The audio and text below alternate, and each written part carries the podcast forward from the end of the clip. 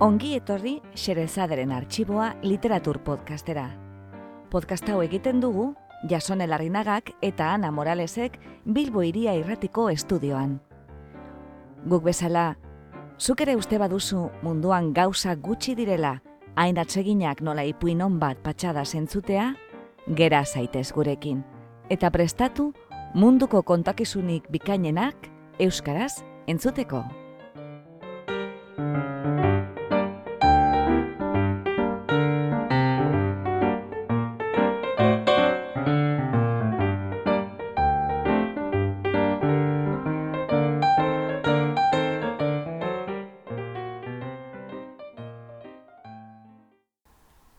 Gaur, Xerezaderen arxiboan, Mari Gizen. Egilea, Guy de Maupassant. Itzultzailea, Matias Mujika. Xerezade isilago ibili da azken aspaldion, baina ez alferkerian edo porretan ibili delako. Kontrara, inorritxu lanetan ibili da bere artxiboa txukuntzen eta beti ere bere entzulentzako onen abilatzen. Eta lauster aurkeztu nahi dizuen sorpresa bat buru belarri prestatzen. Eta gaur, aurreko isilunea apur bat berdintzeko, emeretzigaren mendeko ipuingile handienetako baten historiorik famatuenarekin gatoz. Mari gizen, gi duimo pasanena. Lehenagotik ere konbidatuta eukidugu autore hau gurean. Menuet, gaua, nok jakin, eta apaingarria ipuinak kontatu dizkigu. Bilatzen badituzu izenburuok gure blogeko artxiboan edo Googleen xerezaderen artxiboa hitzekin batera, bere ala aurkituko dituzu.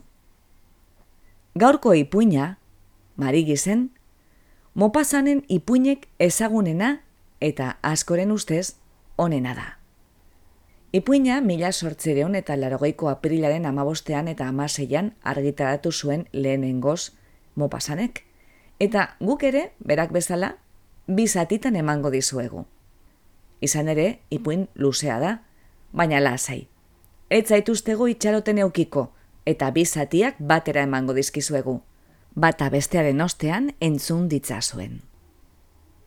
Mari gizen, Frantzia eta Prusiaren arteko gerraren testu inguruan kokatzen da, mila sortziron eta irurogeta marraren inguruan. Prusiarrak gaina hartzen ari dira gerran. Frantses armada erretiradan dator, hori xe deskribatzen zaigu ipuinaren lehen minutuetan, eta azkenean Prusiarrek guan herria okupatu dute. Ipuineko protagonistak bizi diren lekua. Prusiarrak herritarren etxeetan hasi dira ostatua hartzen, eta herritarrek, ala beharrez, jana eta lolekua eman behar izan dizkiete. Gehienek inbasoreak gorroto badituzte ere. Ipuina, bidaia baten inguruan antolatua dago. Herriko hamar pertsonak, juanetik, loeabrera joateko salbokondukto bat lortzen dute, eta zaldikotxe batean abiatzen dira negu minean elurtza ikaragarri batean. Hauek dira pertsonaiak. Mari gizen, protagonista. Bere benetako izena, Elizabeth Guzet. Oso potoloa da eta ederra, lanbidez prostituta. Beste pertsonaia guztiek gogotik mespresatzen dute, kognute demokratak izan ezik. Frantzesa bertzale sutzua da, Guanetik iesidoa saiatu zelako bere etxera sartu zen ofizial prusiar bat hiltzen. Kognude, demokrata da, eskertiarra, gobernu aristokratikoen etzaia morratua eta errepublika errekatzen duena. Edan zalea da, eta ironikoa. Marigizen mespesatzen ez duen bakarra da. Guanen defentza prestatzeko lanean ibili zen, eta asmo horrexekin doa, eskutuan, jakina, Le Havrera. Monsieur eta Madame Loiseau, burgaz txikiak, ardoginak. Beren dirua salbatzera duaz. Gauzak frantziaren zat benetan oker jarrizkero, ingalaterarako asmoa daukate. Monsieur eta Madame Carré Lamadon, burgez handiak, eungintza lantegien jabeak. Hauek ere beren diruarekin ingalaterrara ies egiteko asmoa dute. Brevil kondea eta kondesa. Aristokrata bakarrak, beraz gizarte maila gorenekoak. Fortuna itzel baten jabeak. Andrea, itxasontzi jabe baten alaba da, anfitrioi modakoa saloietan eta diotenez, Louis Philippen seme baten maitalea izandakoa. Gizona, kondea, Henri laugarrenaren moduan janzten da. Errege horrekiko antza azpimarratzeko, esamez batek baitio, erregaren arbaso batek aurdun utzi zuela Previl kondearen andrasko arbaso bat eta senarrari goi kargu bat eman ziola gobernuan. Azkenik, bi moja, Loeabrera doaz frantzes soldado zaurituak zaintzera. Otoitzean ematen dute bidaiaren lehen parte osoa, baina gerora, beren azalpenak, giltzarriak dira, gerta erei, buelta emateko. Ipuinak lau parte ditu. Lendabizikoa itzaurre moduko bata, bertan deskribatzen da bueltan datorren frantses gudaroste bentzutua, herria okupatu duten ofizial prusiarrak, eta pertsonaiak ere aurkezten zaizkigu. Esan bezala zati deskriptiboa da, eta behar bada, apur bat nekezagoa belarri zerraitzeko, baina oso laburra da. Bigarren zatia da bidaiaren hasiera. Pertsonaia guztiak kotxean saltzen dira eta abiatzen dira goizaldean. Hotz handia egiten du, elurra ari da etengabe eta oso astiro egiten dute bidea, Orduak aurrera doaz eta ez dago ostaturik begibistan. Gosea eta etzipena nagusitzen hasten dira kotxaren barruan. Bidaiarien arteko harremanak errotik aldatuko dituen gauza bat gertatzen da. Hirugarren zatia, taldeak tot herrian egiten duen geldialdia da. Herri hau ere Prusiarrek hartuta dago, ostatu bat dago bertan eta gaua hortxe pasatzea erabaki dute bidaiariek. Hala ere, urrengo egunean ezin dira ostatutik irten beren asmoa zen bezala. Izan ere, guanera joateko salbo konduktua eukiarren, herrian buru jarri den ofizial prusiarrak, ez die aurrera jarraitzen usten, baldintza bat bete arte. Tentzioa hasten da sortzen bidaiarien artean laugarren zatia.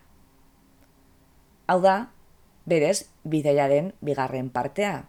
Hau da, bidaiariek aurrera jarraitzen dute zaldiko txean lue argera.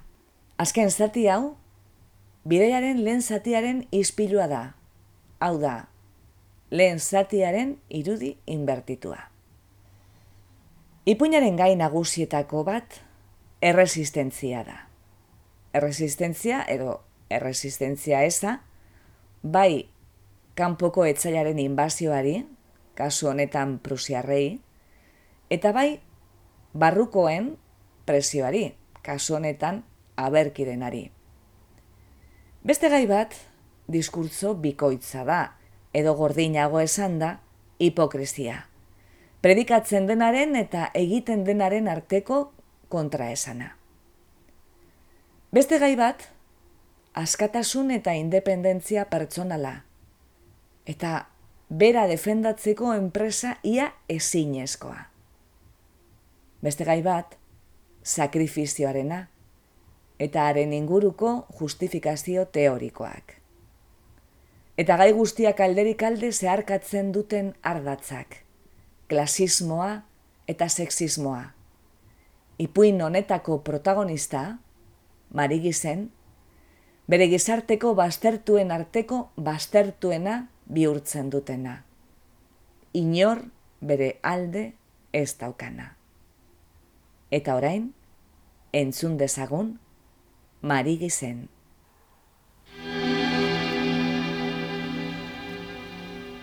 Asko egunez segidan, armada utziaren piltzarrak pasatu ziren irian barrena. Etzen tropa, hor da sakabanatuak baizik. Gizonek luze zikina zuten bizarra, uniformea zirtzil eta pauso baratzean zebiltzan, banderarik gabe, erregimenturik gabe. dena kantza, gogoan jota, leher eginik, ezer pentsatzeko edo erabakitzeko ezindurik. Oitura utze zibiltzen ziren eta gelditu orduko nekearen gatik lurrera joaten. Mobilizatuak ziren gehienak, jende baketzua, errentista tranquilak, fusilaren pixuak abailduak, meblo gazte erneak, izuarrazak eta zuarberak, nola erasorako, nola ietzerako prest. Eta haien erdian, zenbait galtzagorri, batalla handiren batean berrendutako dibizio baten ondarrak. Artilero goiberak ere klase banako infante hoiekin lerrokatuak. Eta inoizka, dragoian kapixu baten kasko distiratzua soldado arrunten ibilera harinagoa berdin du ezinik. Frankotiratzaile legio batzuk ere pasatzen ziren, bandido airea eta izen eroikoak ageri zituztela. Derrotaren mendekatzaileak, ilobiaren bizilagunak, eriotzan partaideak. Haien buruzagiek, garai bateko mis edo gari saltzaileak, bilgor edo xaboi merkatari oiak, fortunasko gerra gizonak, beren eskutuen edo beren bibote luzeen amores ofizial izendatuak, arma, franela eta galoia nondik nahi zeriela, hortoska hitz egiten zuten, kanpainako planak eztabaidatzen eta haiei sinestera, berek soilik eusten zioten Frantzia hiltzeratuari beren fanfarroi sorbalden gainean.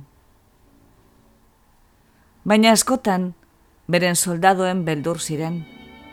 Gaiztagin jendea, ezin gehiagoraino bipila maiz, arrapakaria eta atsegalea.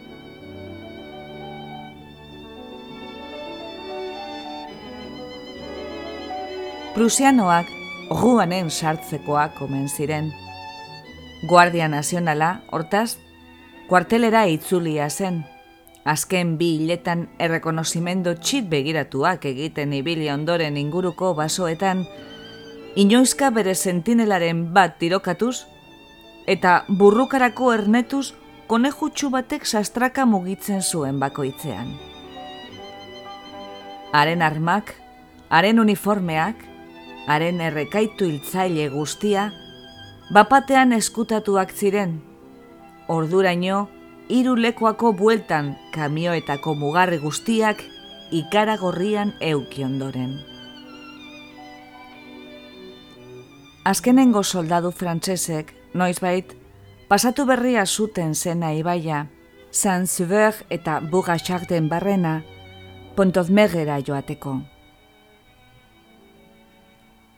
Eta guztien atzetik, generala, etziak harturik, zarpa batu ezin naiekin esertara ezin ausartuz, bera ere zoraturik ordurarte ustez garaitezin eta bere kemen legendario guztian ere orduan mendeko gertatu zen herri baten ondamendi handian, oinez zijoan iesi, bi ordenantzaren artean.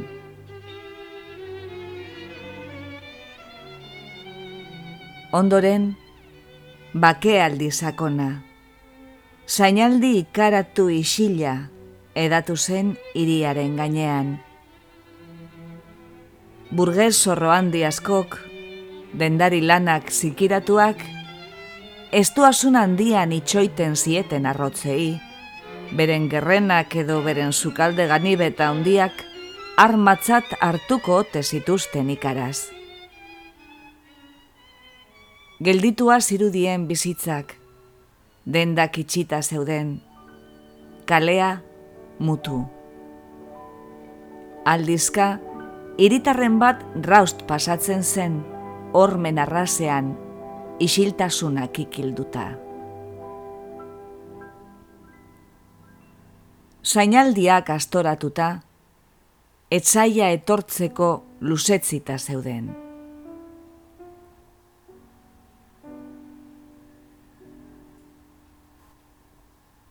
Tropa frantsesek aldegin eta biharamun arratsaldean, ulano batzuek, auskalo nondik sortuta, harin zeharkatu zuten iria. Aurki, masa beltz bat hasi zen jaisten, jaizten, zankatrineko aldapatik, eta horrekin bat, beste bi inbasore uin agertu ziren dagnetal eta boagiomeko kamioetan. Hiru aralde hona vanguardiak bateratzu elkartu ziren herriko etxearen plazan.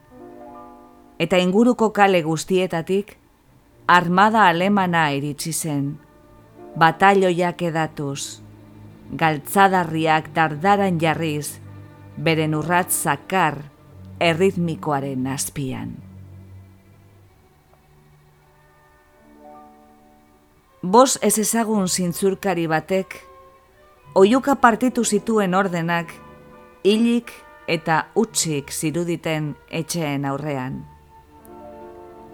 Leioate itxien atzetik, hainbat begik zelatatzen zituzten gizon garaile haiek, iriaren jaun berriak, gerra eskubidea zela medio, ondasun bizitzen jabeak.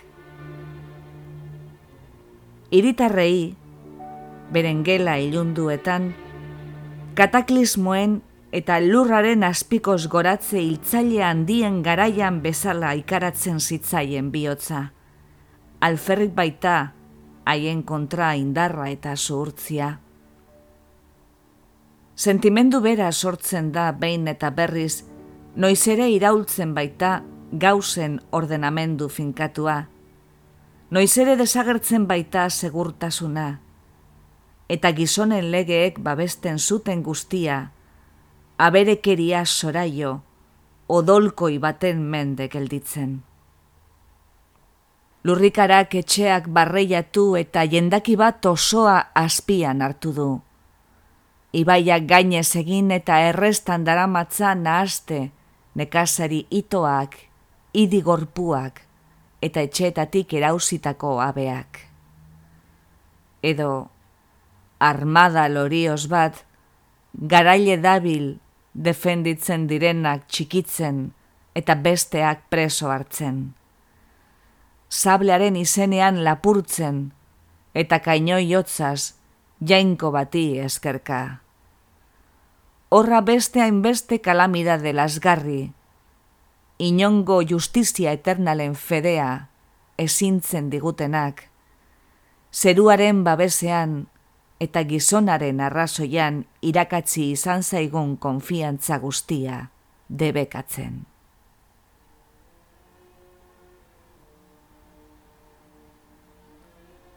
Baina, destakamentu txikiak hasi ziren atezate joka eta etxe barrenetara sartzen.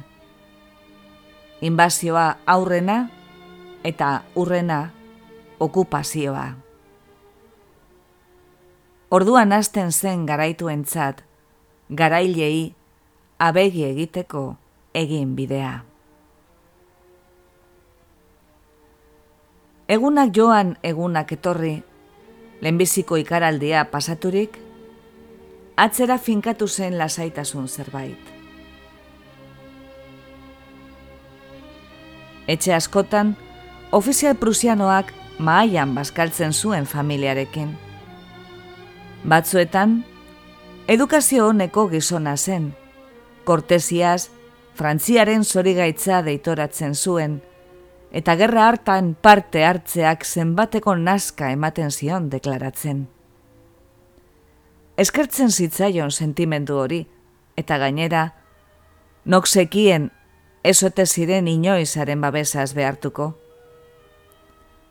Ongi tratatzen basuten, lortuko zuten agian gizon batzuk gutxiago izatea mantendu beharrak. Eta zergatik mindu, gainera, erabat mendean zaituen gizona. Horrela jokatzea, ausartzia ez, ausarkeria izango zen. Eta ausarkeria aspaldion, ez da kontatzen guaneko burgesen akatzen artean, nola kontatzen zen lehen, hiri ura defentza heroikoetan ilustratu zen garaian.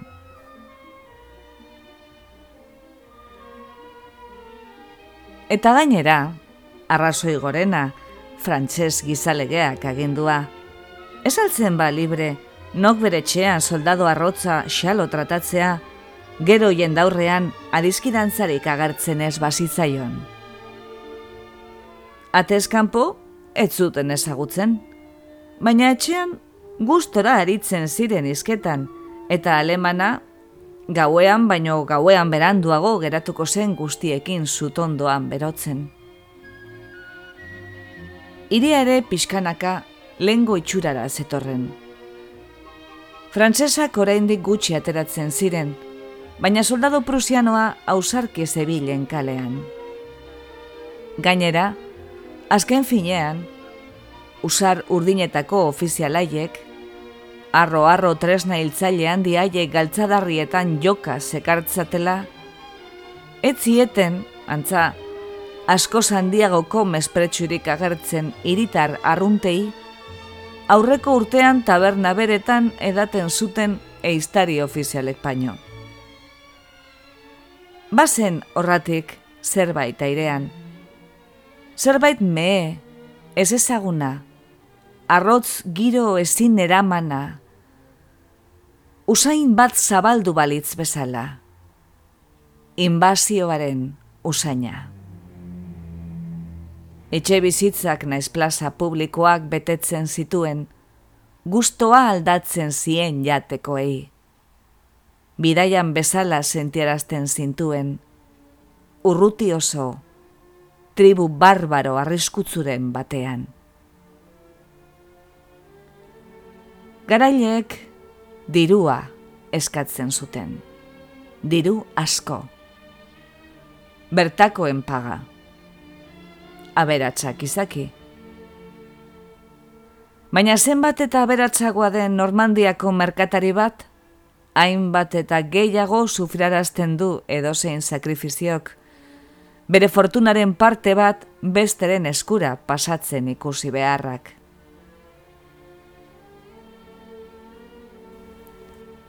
Bitartean, ibaiaren bidea segituz iritik bi hiru lekoa beherago, joaze, diptal edo bizar aldera, marinel eta arrantzaleek maiz aterako zuten aleman hilotzen bat uraren sakonetik, bere uniformean anpatua, ganibetaz edo makilaz jota akabatua, burua harriz kraskatua edo zubi batetik bultza eginda uretara ere itzia.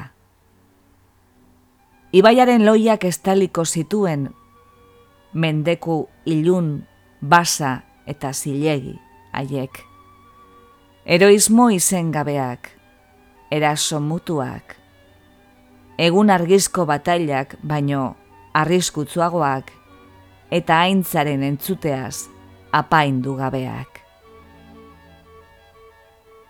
Kanpotarraganako gorrotoak beti emango dio arma eskura, arima bipilen bati, ideia baten alde hiltzeko prest.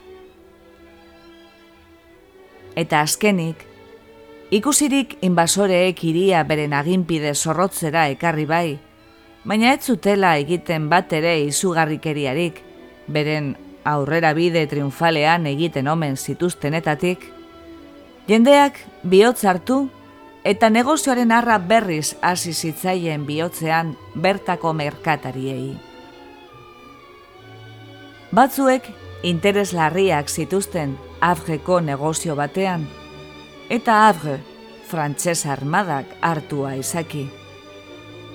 Nahi izan zuten portu ura iritzi, dipera lehorrez joan, eta bertan ontziren bat hartuz. Ofizial aleman adizkidetu berrien itzala baliatu bada, eta general buruak iritik ateratzeko baimena eman zien.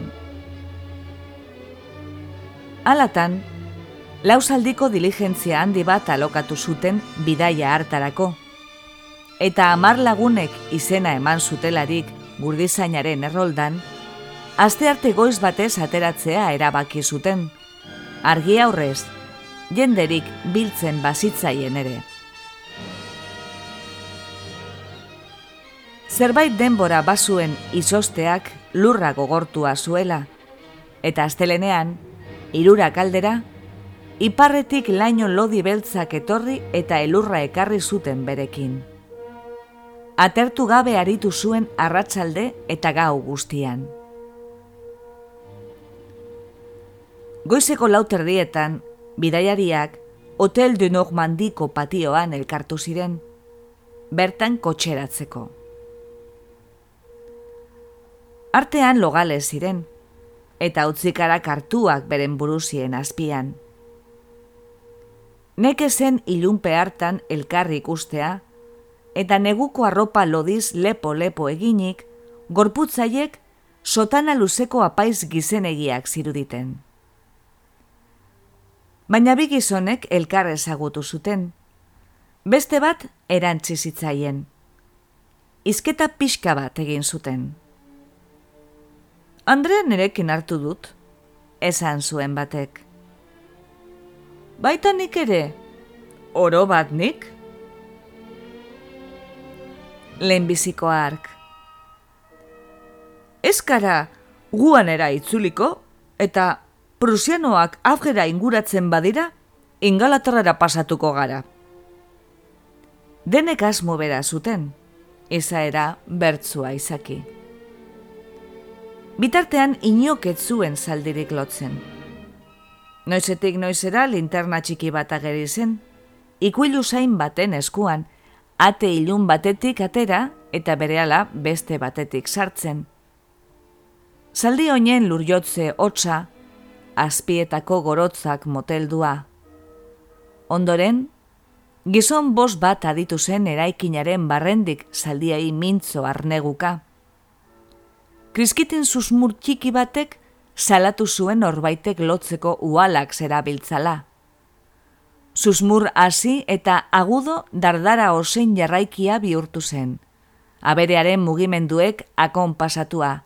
Noiz geldika, noiz dan bateko gor batez berriro hasika, oin ferratu baten lurjotze hotz motela lagun. Bapatean, atea itxi zen. Hotz guztiak eten. Burgesak, izosturik, isildu. Geldirik eta zurrun, antxe zeuden. Maluta zurizko gortina atergabe batek, dizdiz egiten zuen etengabe lurrera bidean. Formak ezabatzen zituen. Gauzak auskara jartzen izotzesko goroldio batez. Eta neguz estalitako hiri barearen isiltasun handian, etzen jada aditzen elur erortzearen firrinda ilaun, aipagaitz eta egazkaria baizik hotza bainoago, sentsazio, atomo harinak elkarna hasika, espazioa betetzen, antza, mundua estaltzen.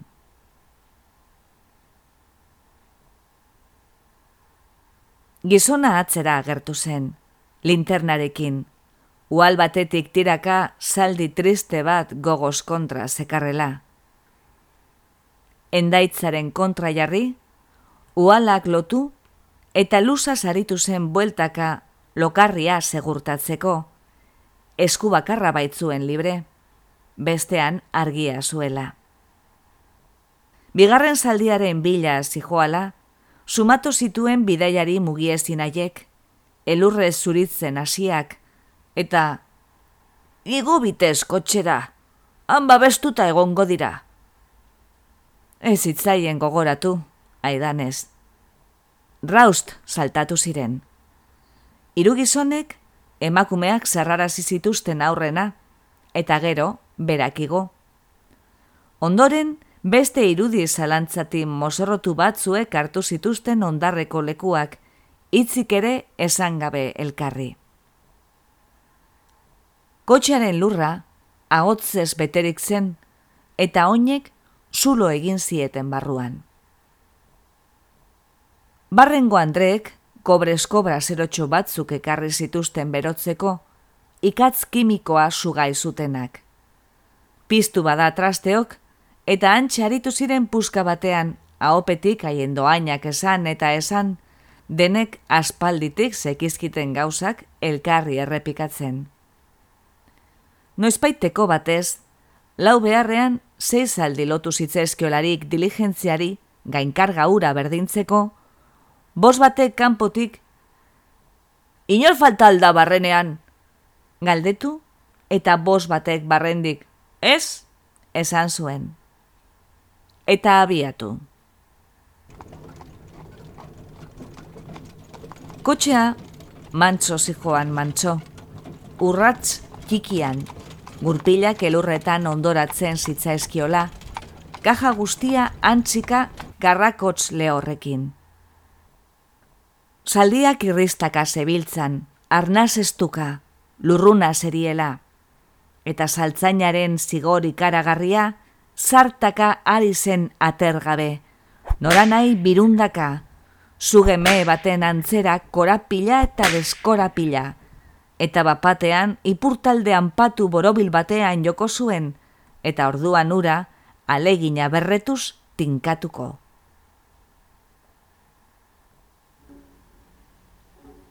Baina esarian, esarian, argia zabaltzen ari zen. Maluta harin haiek, edo bidaiari batek, guan darpeto antzo esan zuenez, algodoi euriura, ateri ziren.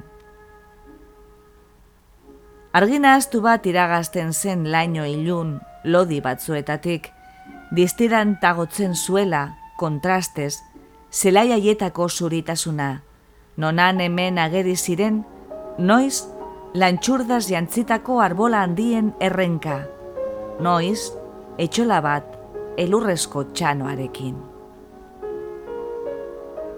Kotxe barrenean, bidaiariek, jakin gale begiratzen zioten elkarri, egun senti hartako argi tristearen azpian. Barren barrenean, leku oberenetan, erdilo zeuden elkarren aurrez, luazu zenare mazteak, konpon kaleko handizkako ardo saltzaileak. Luazu, negozioetan errekaiotako ugazaba baten enkargatua, haren fondoak erosi eta dirutu egin zen. Oso ardo txarra, oso modu honean saltzen zien errisketako tabernari xumei, etaren ezagun eta dizkidei zinestera, pikaro porrokatua zen, normando petoa, amarruz eta alegrantziaz betea. Luazu, gainera, famatua zen askotariko bromak egiten salea izateagatik. Txantxa onak, naiz txarrak. Eta inoketzuenaren izena ipatuko, nonetzuen ondotik eranzten. Luazu, xelebreak izona. Mostaka zen. Baloiaren formako sabela zuen, eta haren gaineko, musu gorrista bat, bi masail bizar urdinduren artean. Haren emaztea, handia, sendoa, deliberatua, bosa lodi eta erabakia erne ordena eta aritmetika zen luazuren merkataritza etxean. Zenarraren jardun bide alaiaren osagarria. Haien aldamenean, duinago, goragoko kasta bateko kide, musiek agil amaton zegoen, gizon larria, kotoietan gora egina, hiru eundegiren jabea, lehion dunerreko ofiziala eta kontzeilu orokorreko kidea.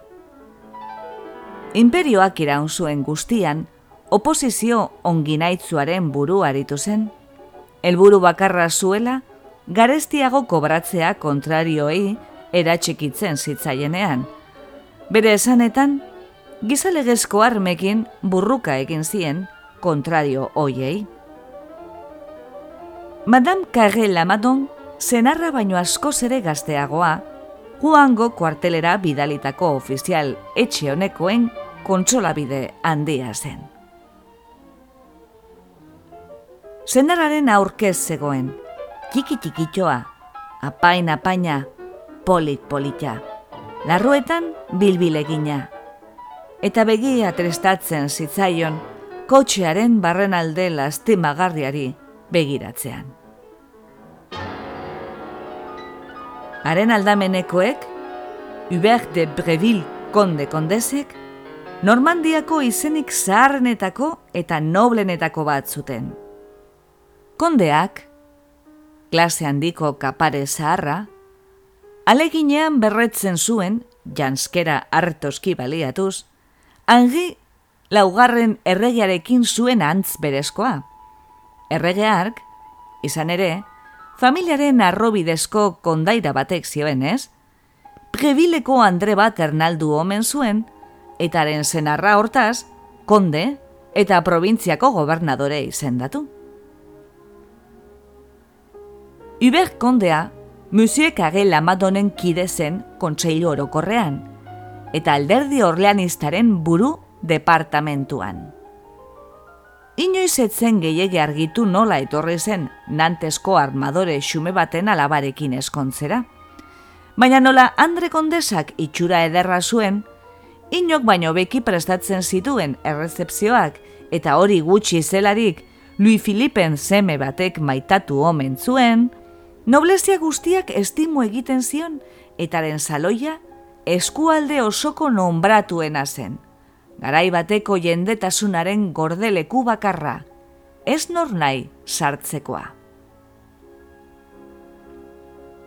Prebiltarren fortuna, lur ondasunetan guztia, bosteun mila liberako errentaraino iristen zen.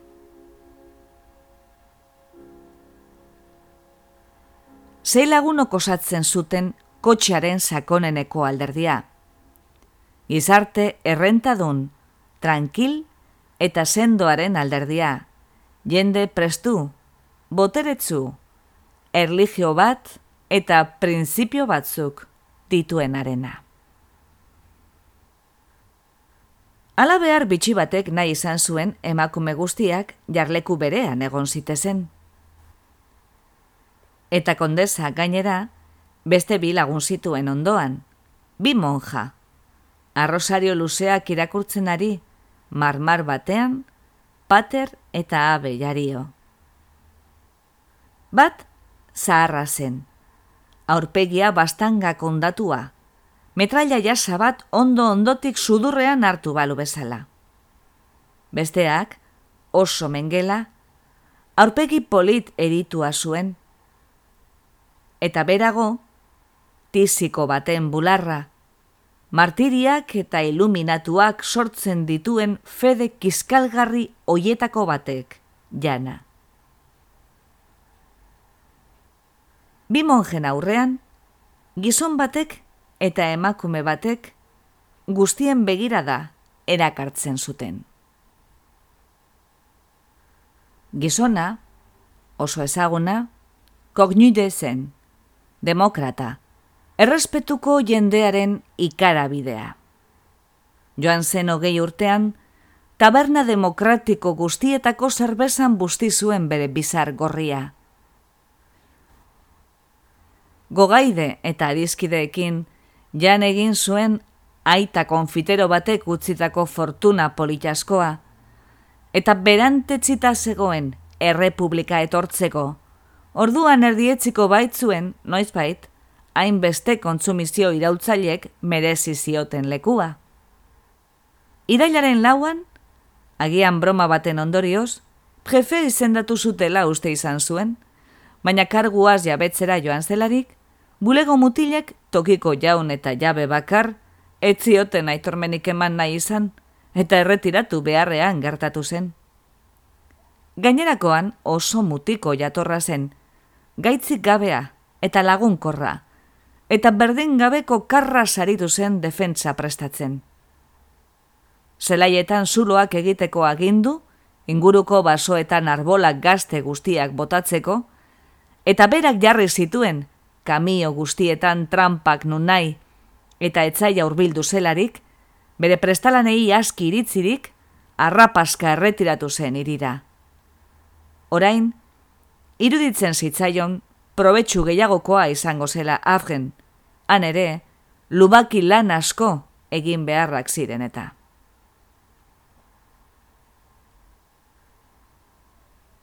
Emakumea berriz, emagaldu deritzen oietakoa, famatua zen gaztetatik, gizen samarra izateagatik. Hortik etorri zitzaion goitizena, mari gizen. Txikia, edonondik borobila, urdai utz, behatzan patuak zituen, falangeetan mehartuak, saltxitxa motzesko arrosarioak iduri. Azala berriz, distirant eta atesatua. Bularra ikaragarria, soineko azpitik bulkaka. Eta hala ere, gustagarria zen, eta menta handikoa, hain zen begientzat atsegin, haren freskura. Zagar gorria bezalako aurpegia zuen, loratu beharreko mitxoleta motea, eta hor goian, bi begi beltz zoragarri. Betile handi usuak gaineko zituztela, itzal emaile. Bean berriz, hau xarmagarria, estua, musurako ezea, hortx argitzu mikroskopikos apailatua. Eta ba omen zituen gainera, doain paregabeak, ausarki. Nor zen antzeman zioten orduko? Xuxurla hotza hasi zen Andre zintzoen artean, eta prostituta, eta mogaltua, itzak aditu ziren. Xuxurlaz, baina ingoraki esanak, non neskak burua jaso zuen. Orduan, hain begirada provokatibo eta usarta paseatu zuen bere lagunen gainean, non isiltasun handia nagusitu zen berehala, eta denek beheratu zituzten begiak, luazok ezik, piztuta bezala begiratzen baitzion. Baina aurki berrazi zen berriketa hiru Andreen artean, neska horren presentziak bapatean adizkidetuta, antza, ia adizkide mamituta. Iruditzen zitzaien beren esposa duintasunak moltsotu edo behar zituztela, emazaldu lotzagabearen aurrean. Amodio legalak, beti erdeinuz begiratzen baitio, bere lankide libreari. Hiru gizonek ere, kogniden itxura ikusita kontserbadore zen batek urbilduak, dirua zuten solaz, pobrenganako mespretsu kutsu bat bozean. Uber kondeak kontatzen zuen ze ondamenak ekarri zizkioten prusianoek, ze galerak etorriko zitzaizkion ostutako haziendatik eta bildu gabeko ustatik, jaun handi baten segurtasunaz mintzatuz, amarretan milionarioa, zeinari ondamenaiek urte bete eskaseko nekea eman gozioten. Karre lamaton jaunak, kotoi gintzan neke handiak izana, zeieun mila libera ingalaterrara bidaltzeko prekauzioa izan zuen, bada espadako xoxa, altzuen guztietan aparte jartzen zuena. Luazoz den bezan batean, modua egin zuen frantses intendentziari almazenean zeukan ardokaskar guztia saltzeko, horregatik estaduak dirutza izugarria sorzion, eta ura kobratzeko asmo sendoan joaten zen afgera. Eta laxe irurek ala irurek adizkide eta zauli begiratzen zioten elkarri. Maila banakoak baziren ere, diruagatik zenide sentitzen ziren. Ondasundunen, eskua galtzako sakelara sartu eta urre hotza eragiten diotenen masoneria handiko kide. Kotxearen abiada hain zen mantsoa, Nongoizeko amarretan oraindik ez zuten lau lekoa egin. Gizonak hiru aldiz jaitzi ziren kotxetik aldapakoinez igotzeko. Hasiak ziren kezkatzen, zeren toten baskaltzeko asmoa izanik, arrezkero esperantza gutxi baitzuten gaua gabe ara iristeko. Denek erne zuten begia bidean ostaturen bat nondik ikusiko. Orduan, dirigentzia elurbildu batean ondoratu zen, eta bi ordu ezin libraturik ibili ziren. Gero eta gozeago ziren, gero eta asaldatuago gozez. Eta ez asaltzen bentarik eta ez ardandegirik, prusianoek urbiltzean eta tropa frantzes gozetuek handik pasatzean, lanbide guztiak usatu baitzituzten. Gizonak bide ondoko baseetxetara sartu ziren, mantenu eske, baina ogirik ere ez zuten aurkitu bertan. Nekasariek beren gordekinak altxaturik baitzeuskaten, fidakaitz, soldaduek ebatzi beldurrez, zei janaren faltan indarrez hartzen baitzuten harrapatzen zuten guztia. Arratsaldeko ordu bataren inguruan, Luazuk deklaratu zuen estamua tristatuta zeukala oso, zera, Besteak ere, bera bezain larri zeuden aspalditik, eta jan behar bortitzarek, geroz eta handiagoak, berrik eta guztia eten zuen. Inoiz edo behin, norbaitek, arrauzi egiten zuen, ia berehala beste batek bere bat, eta denek urren ez urren, nok bere izaera, eziera, eta gizarte mailaren arabera, salapartari edo neurtuki, ahoa zabalduko zuten, eta gudo eskua eramango lurruna zerion zulo irekiaren aurrera. Marik izen, bi hiru aldiz gonazpian zerbait bilatzeko bezala makurtu zen. Segundo batez dudan egon, bide lagunei begiratu, eta lasai agontzen zen atzera. Aurpegiak, zurbil eta tinko zeuden. Luazuk esan zuen mila libera pagatuko zuela urdaia espiko puxka bat. Andrea protesta egiteko meneratu zen baina utzi. Min egiten zion diru barraiatua ipatze utxak. Horren gaineko bromak ezin zituen ulertu. Egiaz ongi ezik nago, esan zuen kondeak. Nola ez dut pentsatu biderako jana ekartzea? Denek, erazia bera, beren buruari. Kognidek, ordea, zaatoa ekarri zuen ronarekin. Beste hi eskainezien. Denek, oski, musin. Luazuk baitzegetzion tragoska bat onartu, eta zaatoa itzultzean, eskerrak eman zizkion ona da gero. Berotzen du gizona eta gozea engainatzen. Alkolak umore ederra eman zion eta zera proposatu zuen. Kantu hartako barkutxoan bezala egiteko. Pasajero gizenen aiateko. Mari gizen horrela zehar bidez aipatzeak, zapustu zituen edukazio honeko pasajeroak. Ez zioten erantzun. Kognudek soilik egin zion irribarre. Bi mojena Rosario zurrunga aspaldi atertua zen, eta eskuak mauka handietan sartuta, geldirik zeuden, begiak izituki apaldurik. Sobra ere, zeruari eskaintzen ari, berak bidaltzen zien sufrimendua. Noiz baitere, iruretan, amaigabeko zelai baten erdian, herririk ageri etzela, marik izenek xaulik uskurtu eta jarleko azpitik zapizuriz estalitako otarre handia atera zuen.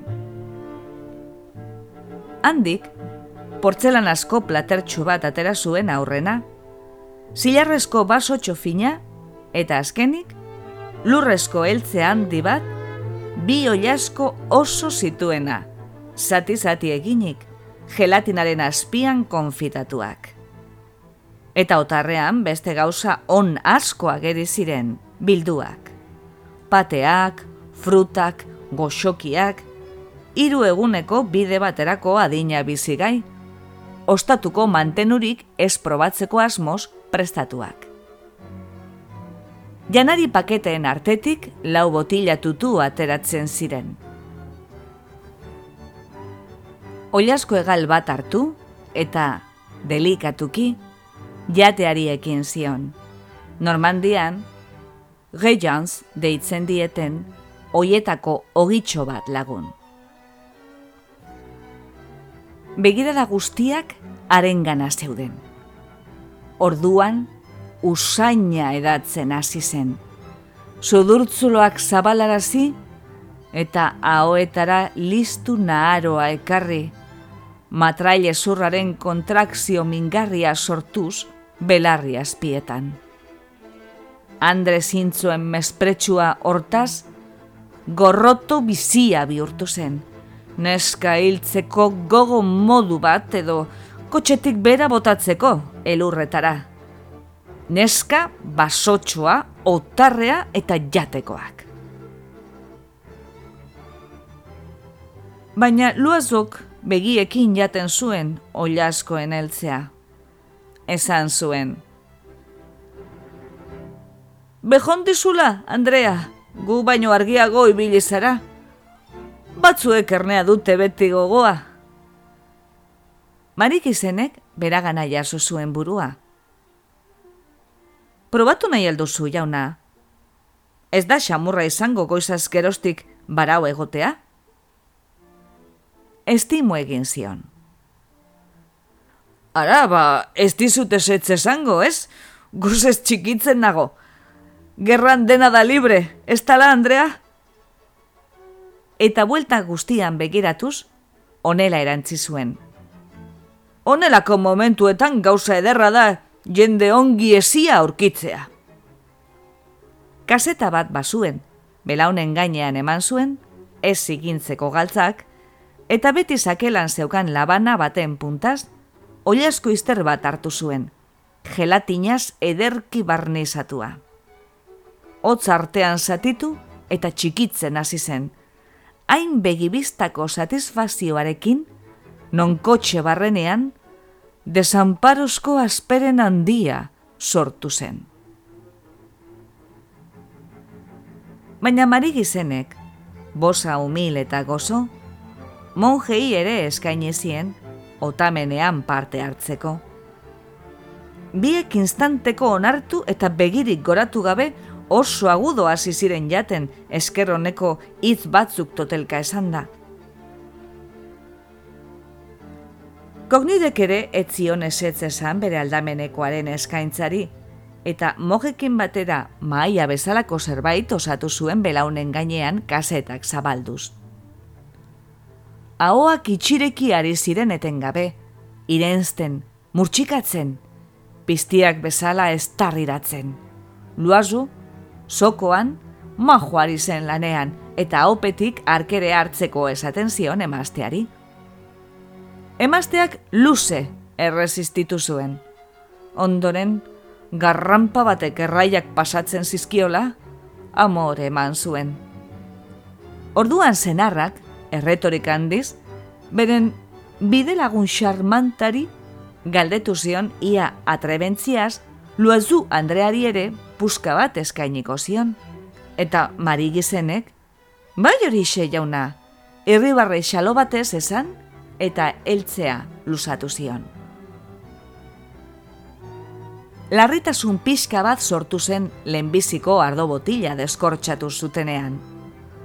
Baso bakarra izaki. Garbitu ondoren elkarri pasatu zioten.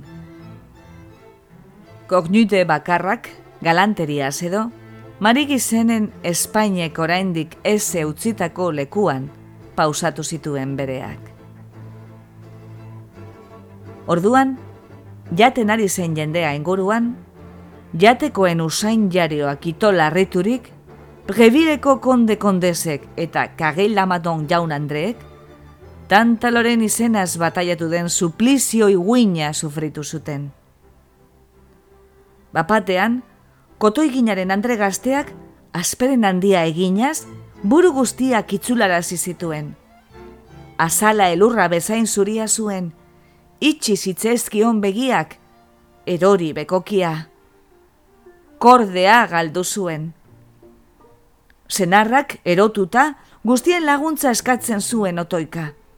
Denak astoratuta zeudela, moja zaharrenak, marigizenen basoa Espainetara jarri, eta ardotan pare bat irentzara azizion. Andre Politak zirkin egin, pegiak ireki, irribarrez hasi, eta goni asko bosarekin esan zuen orain oso ongi sentitzen zela. Baina alakorik ez berriz gertatzeko, monjak basoa bete ardo edan alaziztion, zioela. Goze izatea, besterik ez du. Orduan marigi zen, lotxagorrituta eta erabe, totelka hasi zen, barau ziren lau pasajeroei buruz. Ai, Jesus, hausartuko banintz beroiei eskaintzera, eta hortxe isildu zen, irainaren beldurrez. Loazuk hitz egin zuen.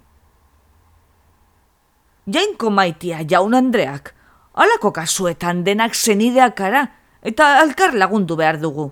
Benga, Andreak, fuera itxurak, esan zazue baietz behingoz.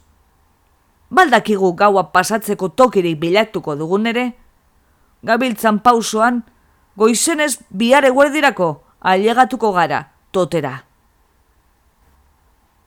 Zalantza Inorretzen atrebitzen baietzaren erantzunkizuna bere gain hartzera. Baina kondeak erabakizuen kontua neska potoloki kildoaren gana giratu, eta bere handiki itxurariko berena hartuaz, onela esan zion. Eskerrik handienarekin estimatuko dizugu, Andrea. Lehenbiziko urratsa zailena. Behin rubikona pasatuz gero, gogotik ekin, otarrea ustu zuten. Fuagrazko patea baseukan, larretxori patea, mingainkeatua, kazaneko madariak, pastak eta katilua bete pepinilo eta ospintipula. Marigizen, emakume guztiak bezala, izugarri ospinkizalea baitzen. Ezin zuten neskaren jatekoa jan eta neskari ezitzegin. Hasi zen bat solaza, aurrena erabe, Eta gero, neska oso egokiari zela ikusirik, libreago. Previl eta Kagila Madongo Andrek, berezko zuten jendetasunaz, ez tiki egin zioten abegi. Kondesak batez ere, ezek ezin zikindu dituen Andre Txit Nobleek oi duten onberatasuna agertu zuen eta xaloa izan zen. Baina Luazu Andrea, berriz, Egoskorra. Sargentu harima. Zaputz egon zen. Gutxi mintzatu eta askoian. Gerra hitz egin zen, jakina. Prusianoen egintzan ardagarriak kontatu ziren. Frantsesen pasadizo heroikoak. Eta iesari ematen zioten horiek, besteen kemenari egin zioten omen. Sarri hasi ziren historia pertsonalak eta marigizenek, benetan unkiturik, neskek batzuetan beren eroaldi naturalak kontatzeko izaten duten hitz berotasun horrekin, kontatu zuen nola aldegin zuen gu Hasieran uste izan nuen etxiko nuela, esaten zuen. Manuen etxea bete janari eta nahiago nuen zerbait soldadu mantendu auskalo zer bestetara aldegin baino. Baina orain ikusi alditut prusianook ezin burutu izan dut. Odola irakinen jarri zitzaidan, eta egun guztian negarra espasa nuen lotza lotzatuta. Oi, gizona banintz, orduan, lehiotik begiratzen nien zerri handi hoiei, beren kasko puntadunarekin, eta neren eskameak eskuetatik heltzen zidan ez etxeko moble guztiak buru gainera botatzeko. Orduan batzuk etxean jarri zitzaizkidan ostatuz. Eta aurrenekoari, taka, lepotik heldu nion. Beste dozein bezain erraz itotzen dira zera. Eta katu ere egingo nuen, hiletatik tiratu espalidate. Ondoren, gordeta ibili behar izan nuen. Azkenik parada bat aurkitu orduko aldegin. Eta hemen naiz. Biziki zorion duzuten. Bere bidei den estimazioan, hasi egin zen. Haiek espaitziren hain arrosko ibili. Eta kognudek, neska ditzen zuela, alako apostulu irribarre ongineizko eta onirizlea ageri zuen. Nola apaiz batek, gizon debota aditzen duenean jainkoaren alabantzan. Demokrata bizarluzeok, izan ere, patriotismoaren monopolioa dute, gizon sotan adunek erligioarena duten bezala. Bera mintzatu zen orduan, doktrinarioa hotza jarriaz, egunero paretetan itxasten ziren proklametan ikasitako enfasiarekin, eta bukatzeko, Arantza ederrez, maizu, badinge purtzil hori, larrutu zuen. Baina marik izen bere ala zerretu zen, monapartista baitzen. Gerezia bezala gorritu eta indignazioz totelka hasi zen. Bai, haren lekuan izan bazinete zuek, orduan komeriak, ha bai. Zuek egin dio traizio, zuek, zuek bezalako alprojak agintari, frantziatik aldegin beste remederik esken nuke. Kognidek, azalda gaitz, erdeinuzko eta antusteko irribarre bati eusten zion, baina egartzen zitzaion itzakarrak aste hartzirela. Orduan kondea sartu zen tartera, eta asko kostata neska sutua baretu. Autoritatez deklaratuz, bihotzesko iritzi guztiak errespetatzeko zirela. Bitartean, kondesa eta koitoiginaren Andrea, bihotzean baitzuten dezakeen jendeak errepublikari izaten dion gorroto arrazoi gabea, eta emakume guztiei gobernu dirdaitzu despotikoek esnatzen dieten zenezko onerizkoa, aier sentitu ziren gogoz kontra ere, duintasunez betetako prostituta arengana, zeinaren sentimentuak hain berenen antzekoak ziren. Otarrea utzik zen. Amarren artean erraz asko aitu zuten. Handiagoa ez izatea, pena. Sorazak puska batean aurrera segitu zuen. Piskaren bat osturik alere, jatez bukatu zutenetik. Gautzen ari zuen ilunpea usutu zijoan eta hotzarekin digestioetan nabaritzenago baita, hotzikarak hartu zuen mari gizen bere gizenean ere. Orduan, prebileko Andreak bere braserotxoa eskaini zion, zeinari goizaz gerostik hainbat aldiz berritu zioten ikatza, eta bai besteak onartu ere berehala, oinak ormaturik sentitzen baitzituen. Kage Lamadon eta Luazu Andrek monjei eman zieten berena. Zaldizainak bere linternak piztu zituen. Distira biziz argitzen zuten urbileneko saldien ipurtalde izerdituaren gaineko lambro odei bat, eta kamioaren bazter bietako elurra ere bai, argien isla dantzariaren azpian deskora pilatzen ari antza. Kotxean etzen ia eser ikusten. Baina bapatean, mugimendu bat sortu zen marigizen eta kogniden artean, eta luazuri, begia ilunpean zelatan baitzuen, iruditu zitzaion bizar luzeko gizona braust apartatzen zela, isilikako kolpe bat ona orduan txe hartu balu bezala.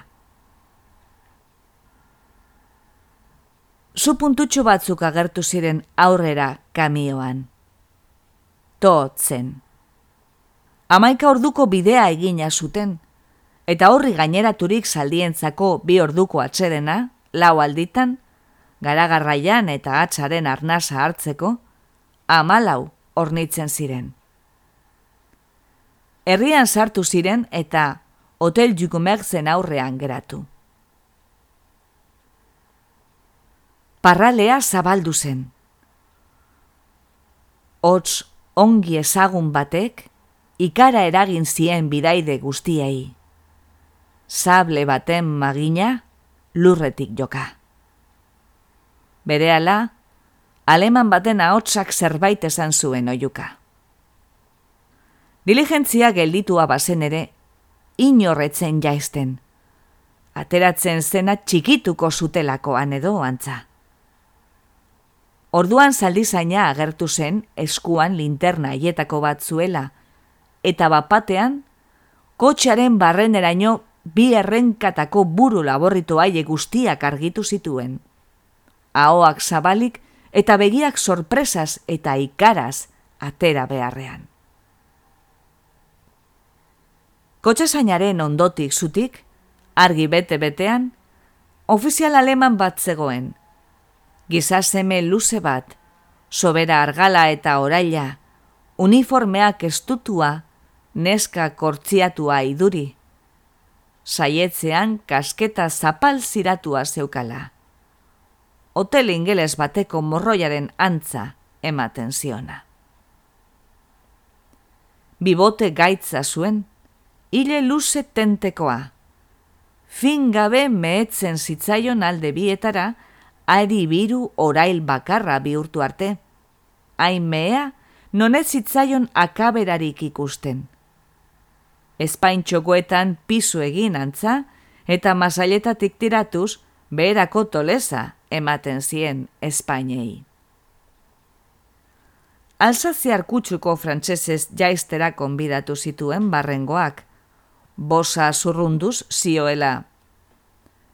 Jaitziko aldira beroiek mesedez?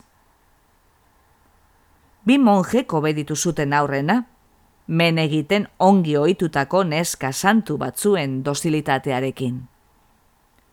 Ondoren, konde-konde agertu ziren, eta ondoren, kotoigina eta Andrea, eta ondoren, luazu, aurretik, bere eskonti de lodia bultzatzen zuela.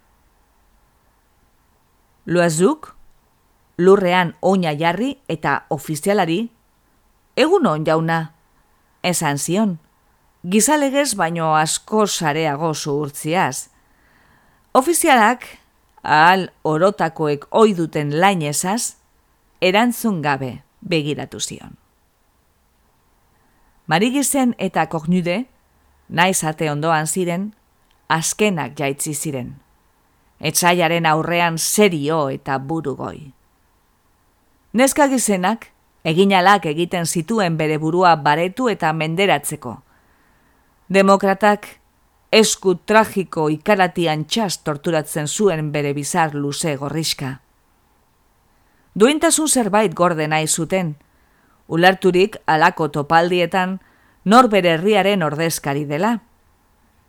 Eta biak oro batzu suminduta bide lagunen malgutasuna ikusirik, neskak andrezintzoak baino fierrago azaldu nahi zuen, eta gizonak berriz, erakusbide izan behartzuela sentituz, segida ematen zion jarrera guztian, kamio ondatzearekin hasitako erresistentziasko mandatuari. ostatuko sukalde handian sartu ziren, eta alemanak, general buruak sinatutako baimena aurkestara zizien, non bidaiari bakoitzaren izenak, deskripzioa eta lanbidea jasotzen ziren. Eta luze aditu zen hango guztiak arakatzen, pertsonak eta idatzizko datuak konparatzen zituela. Eta bapatean, ongi da, esan, eta desagertu. Orduan lasaitu ziren. Goze ziren oraindik, afaria enkargatu zuten. Ordu erdia behartzen prestatzeko, eta bin eskamek prestatzen azteko itxura egiten zuten bitartean, gelak ikuskatzera joan ziren. Denak pasillo luze baten zeuden, eta pasilloaren bukaeran kristalesko atea, numero esanguratzu batez apaindua. Mairatzeko zeudela noiz baitere, ostatuko etxeko jauna azaldu zen, behin bateko saldi tratantea, gizon lodi asmatikoa. Estarri bidean beti zer nahi txistu karranka eta karkaskantu zebilzkiona. Aitak, folanbi izena eman zion erentzian. Galdetu zuen. Elizabeth Rousset Andrea? Mari gizenek zirkin egin zuen eta giratu. Ni naiz. Andrea, ofizial prusianoak bere ala ikusi nahi zaitu. Ni? Bai, esan bezala Elizabeth Rousset baldin bazara. Neska trublatu zen. Segundo batez gogo eta egin eta deblau esan zuen. Ala izango da, baina ena joango. Ingurua mugimendu bat sortu zitzaion, denak eztabaidan ordenaaren arrazoia zein ote zen. Kondea hurbildu zitzaion. Gaizki egiten duzu, Andrea. Ez ez horrek problema handiak sortu baititzake. Ez soilik zuretzat, baina bai zure bidaide guztientzat ere. Ez zaio sekulan buru egin behar indartzuago denari. Egin bide horrek segurutik ez du inolako arriskurik izango. Tramiteren bat ahaztua, dudarik gabe. Denek kondearen alde egin zuten. Neskari, arren, bultza, erazia egin eta komentzitu zuten azkenerako. Denak asketaldi baten ondoriozko komplikazioen beldur baitziren. Neskak, azkenik, zuengatik egingo dute, kondesak eskua hartu zion. Bai guk eskertu ere. Atera zen. Afaltzen hasteko itxoin zioten. Denek deitoratzen zuten neska mutiri odolberoari deitua, eta ez berari, eta bere baitan argelkeria batzuk prestatzen ari ziren, urrena ari deituko ote zion kasurako baina amar minuturen buruan, atzera azaldu zen neska, atxanturik, itotzera gorritua, zenetik aterea, totelka, alproja, alproja lena. Denak enteratzeko errikitan zeuden, baina neskak etzuen ezer esan, eta kondea tematu zitzaionean, onela erantzun zuen, duintasun handiz. Ez, ez da zure asola, eta ez dut hitz egin nahi.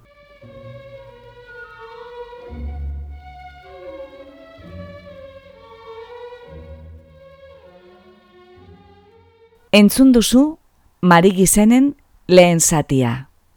Joan urrengo atalera, bigarren zatia entzuteko.